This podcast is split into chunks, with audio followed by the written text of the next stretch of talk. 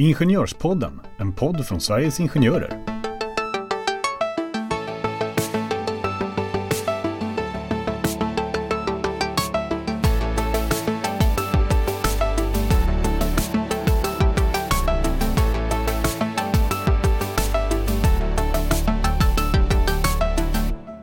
Dagsfärskt när vi spelar in dagens avsnitt av Ingenjörspodden är att avtalsrörelsen för industrin nu är avslutad och eh, det berömda märket är nu satt.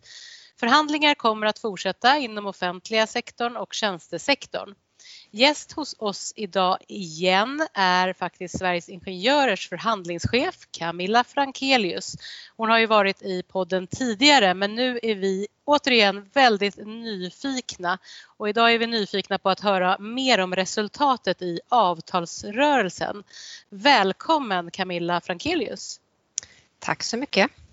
Hur är läget? Jag säga att jag frågar det varje avsnitt. Hur är läget? Hur mår du? Men hur mår du? Tack, jag mår alldeles utmärkt. Jag mår bara bra. Härligt. Ja, om vi backar bandet lite grann så minns ju, det har vi pratat om förut i, i podden, att eh, avtalsrörelsen prolongerades och de återupptogs igen i oktober. Vi hade ju Daniel Falk här eh, och berättade om avtalsförhandlingarna och, och nu är vi som bekant klara. Vi börjar med märket Camilla. Vad är märket och eh, vad blev det? Ja, märket är ju den nivå som då industrin kommer fram till och den har ju en påverkan på alla andra avtal som också kommer här efter sen, alltså alla sektorer och alla andra branscher som också ska fatta sina beslut kring löneökningar och så. Och märket blev på 5,4 procent eh, och vi har också då en avtalsperiod som är 29 månader lång eh, och sträcker sig här nu från den 1 november och fram till den 31 mars 2023. Så det är ju ett eh, ganska så långt avtal som vi har träffat ett, eh, ett märke på då. Och nivåhöjningarna här som vi har satt, alltså vad är det för, hur har vi fördelat de här bitarna? Så är det på två revisionstidpunkter. Där den första kommer vara nu då 1 november 2020 och den andra 1 april 2022. Vad kommer det vara för nivåer då, då under de här lönerevisionstillfällena? Ja, de, de nivåer som vi kommer ha är på 3 den 1 november eh, och eh, 2,4 i april då, 2022. Sen har ju vi också träffat en överenskommelse till att eh, inom ramen för de här 5,4 procenten eh, också satt av då till deltidspension som det heter inom industrin. Eh, det finns också, också andra ord för det här, eh, flexpension på andra områden till exempel. Men den pensionsavsättningen är på 0,4 procent. Eh, vilket innebär då att när det gäller själva nivåhöjningarna i lön så kommer det vara 2,8 procent att fördela i lön och 2,2 procent sedan den 1 april 2022. Eh, är det här någonting Camilla, du har ju varit med och förhandlat eh, fram det här märket. Är du nöjd med resultatet? Ja men det är jag. Jag tycker att vi har nått ett, ett bra värde med tanke också på situationen som har varit så att eh, 5,4 det är ett bra avtal. Och vad, nu tänker jag också, vad, vad händer då om man, för du sa ju att det var två lönerevisionstillfällen. Om man då har eh, kommit in och, och, fått ett eh, jobb där man har fått 20, 20 års löneläge. Vad händer med den här revisionen då, det här första revisionstillfället? Ja, då har man ju normalt sett fått sin nya lön för, eh, för 2020.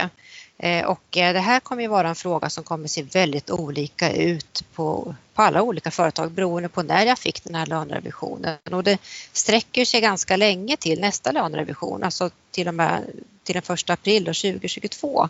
Så det här är vi också överens om att man på lokala, alltså på arbetsplatserna lokalt måste diskutera den här frågan så att Eh, och kring hur man ska hantera delarna kring de medarbetare som har lönesatts tidigt under det här året. Mm. Så det är bara att uppmärksamma på det och vi har inte sagt att det ska se ut på ett visst sätt eller hanteras utan att det kommer vara en fråga man får hantera då lokalt. Mm.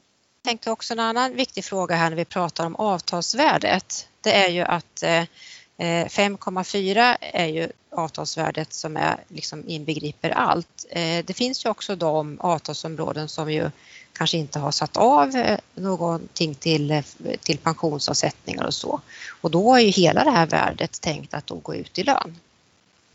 Men vi kan ju, precis, men det är 5,4 procent som ändå är märket så att säga. Ja, precis. Mm.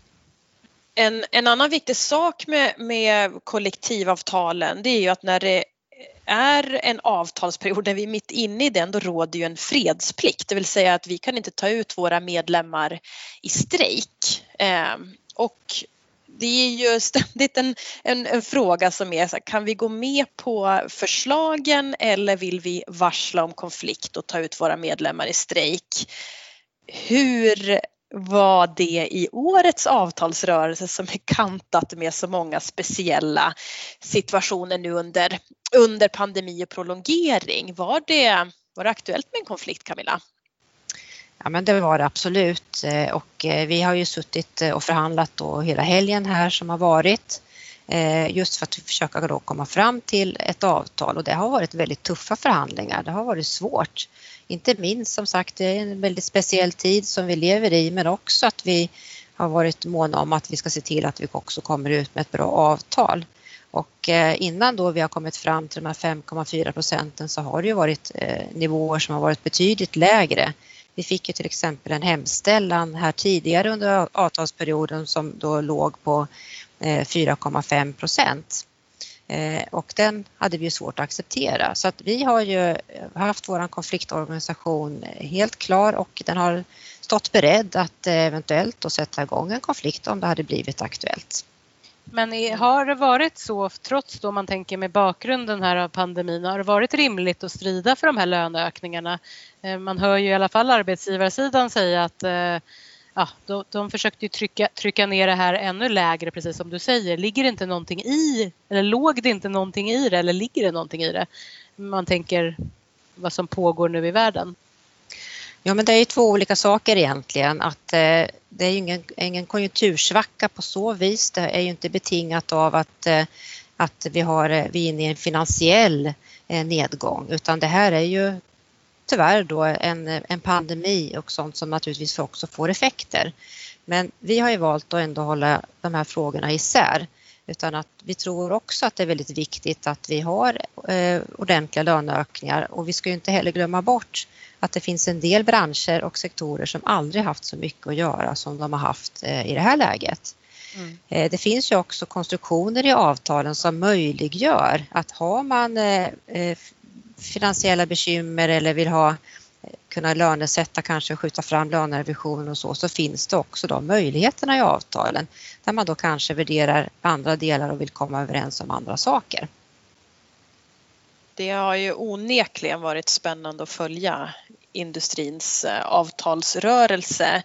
Nämnde inledningsvis ju att det fortsätter på andra andra sektorer. Du är ju förhandlingschef eh, övergripande även för tjänstesektorn och offentlig sektor. Påverkas de av industrins eh, avtalsförhandlingar och vad händer där nu? Jo men det gör de. Alla, alla på den svenska arbetsmarknaden påverkas ju av det märke som vi då har satt. Så att eh, nu fortsätter de förhandlingarna där och jag har hört också att de har intensiva förhandlingar Eh, Eh, inte minst då på de eh, kommunala sektorerna som jag har jobbat på även under den här helgen också som har gått där vi har suttit och förhandlat också inom industrin. Eh, och Almega som ju också är en stor motpart för oss, där pågår ju också förhandlingar för fullt med att sätta ihop bra lösningar för dem med de frågor som de också har på bordet. Men det märke som vi har satt, det kommer ju påverka alla, alla avtal och alla sektorer.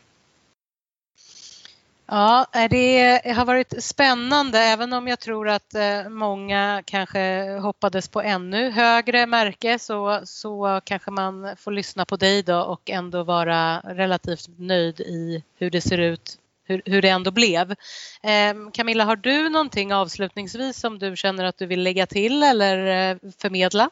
Ja, men det vill jag. Jag vill också påminna om att det finns en annan fråga som man kan behöva uppmärksamma lite kring också när man ska förhandla lönerna lokalt och det gäller frågan kring retroaktiviteten. Vi har ju prolongerat de tidigare avtalen så att de sträcks fram till den sista oktober.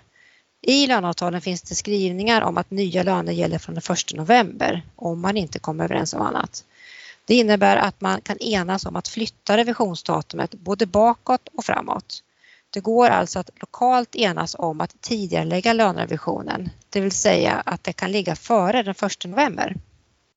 Ja, Nej, men det är eh, spännande tider och eh, mycket som händer. Men, eh, och vi vill tacka dig så jättemycket för att du eh, tog dig tid och försökte förklara det här på eh, ett så lätt sätt som möjligt. Hoppas att ni som lyssnar också tyckte det. Men Stina, har du någonting mer att säga eller ska vi ta och avrunda det här avsnittet? Nej, jag vill bara skicka ett tack till Camilla som eh, mm. har haft bråda dagar med dessa frågor och så ser vi ju fram emot att få följa utvecklingen på övriga avtalsområden som sitter för fullt och förhandlar. Och glöm inte bort att prenumerera på podden. Dessutom vill jag hänvisa er till vår webbplats för där kommer ju vi kontinuerligt att lägga ut när avtalen är klara och där kan du också se mer i detalj vad som gäller för respektive avtalsområde. Jag kan också passa på att flagga för att eh, för avtalen inom industrin så kommer det ju dessutom vara avtalskonferenser så att är du förtroendevald så håll utkik på vår webbplats och anmäl dig till avtalskonferenser inom ditt avtalsområde. Ja men precis. Ja, fortsättning följer som man säger men eh, vi får helt enkelt eh, tacka Camilla igen för nu och så eh, säger vi hej då. Vi får höras nästa gång helt enkelt.